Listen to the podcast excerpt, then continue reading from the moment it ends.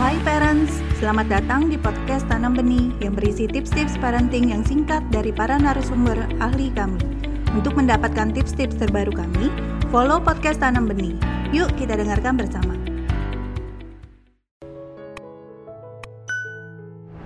Di situ adalah gangguan neurologis, jadi ada masalah di otak anak yang mengakibatkan anak itu terhambat kemampuannya dalam berinteraksi sosial, berkomunikasi, dan pola pikirnya itu sulit dinamis. Pola pikir sulit dinamis itu maksudnya kalau hal-hal yang statis kayak misalnya sesuatu yang sudah pasti, prosedural, penjumlahan, ini warna apa, ini huruf apa, itu kan hal-hal yang statis ya, lebih gampang dilatih. Tapi kalau untuk hal-hal yang dinamis kayak misalnya problem solving atau misalnya udah biasa lewat rute tertentu terus tiba-tiba mau berubah nih, mau dinamis berubah, itu anak menjadi kesulitan.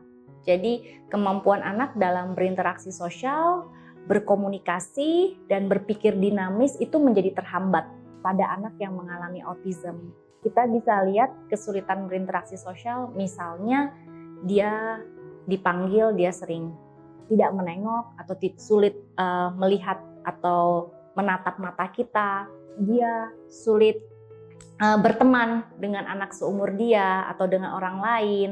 Kemudian kalau dalam hal komunikasi, dia sulit sekali komunikasi dua arah.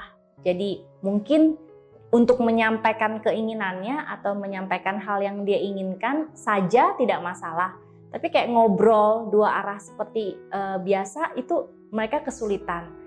Mereka juga kesulitan membaca ekspresi emosi lawan bicaranya. Jadi misalnya kalau anak-anak yang tidak mengalami autism misalnya kita atau dia ngerti oh ini maksudnya oh ini lawan bicaranya lagi bingung kali ya atau ketika kita ketawa oh dia ngerti kira-kira ini uh, lawan bicaranya lagi happy gitu tapi anak-anak yang mengalami autism itu mereka kesulitan mind reading dan emotional reading mereka kesulitan membaca emosi dan membaca pikiran lawan bicaranya sehingga itu menyulitkan sekali untuk mereka berinteraksi.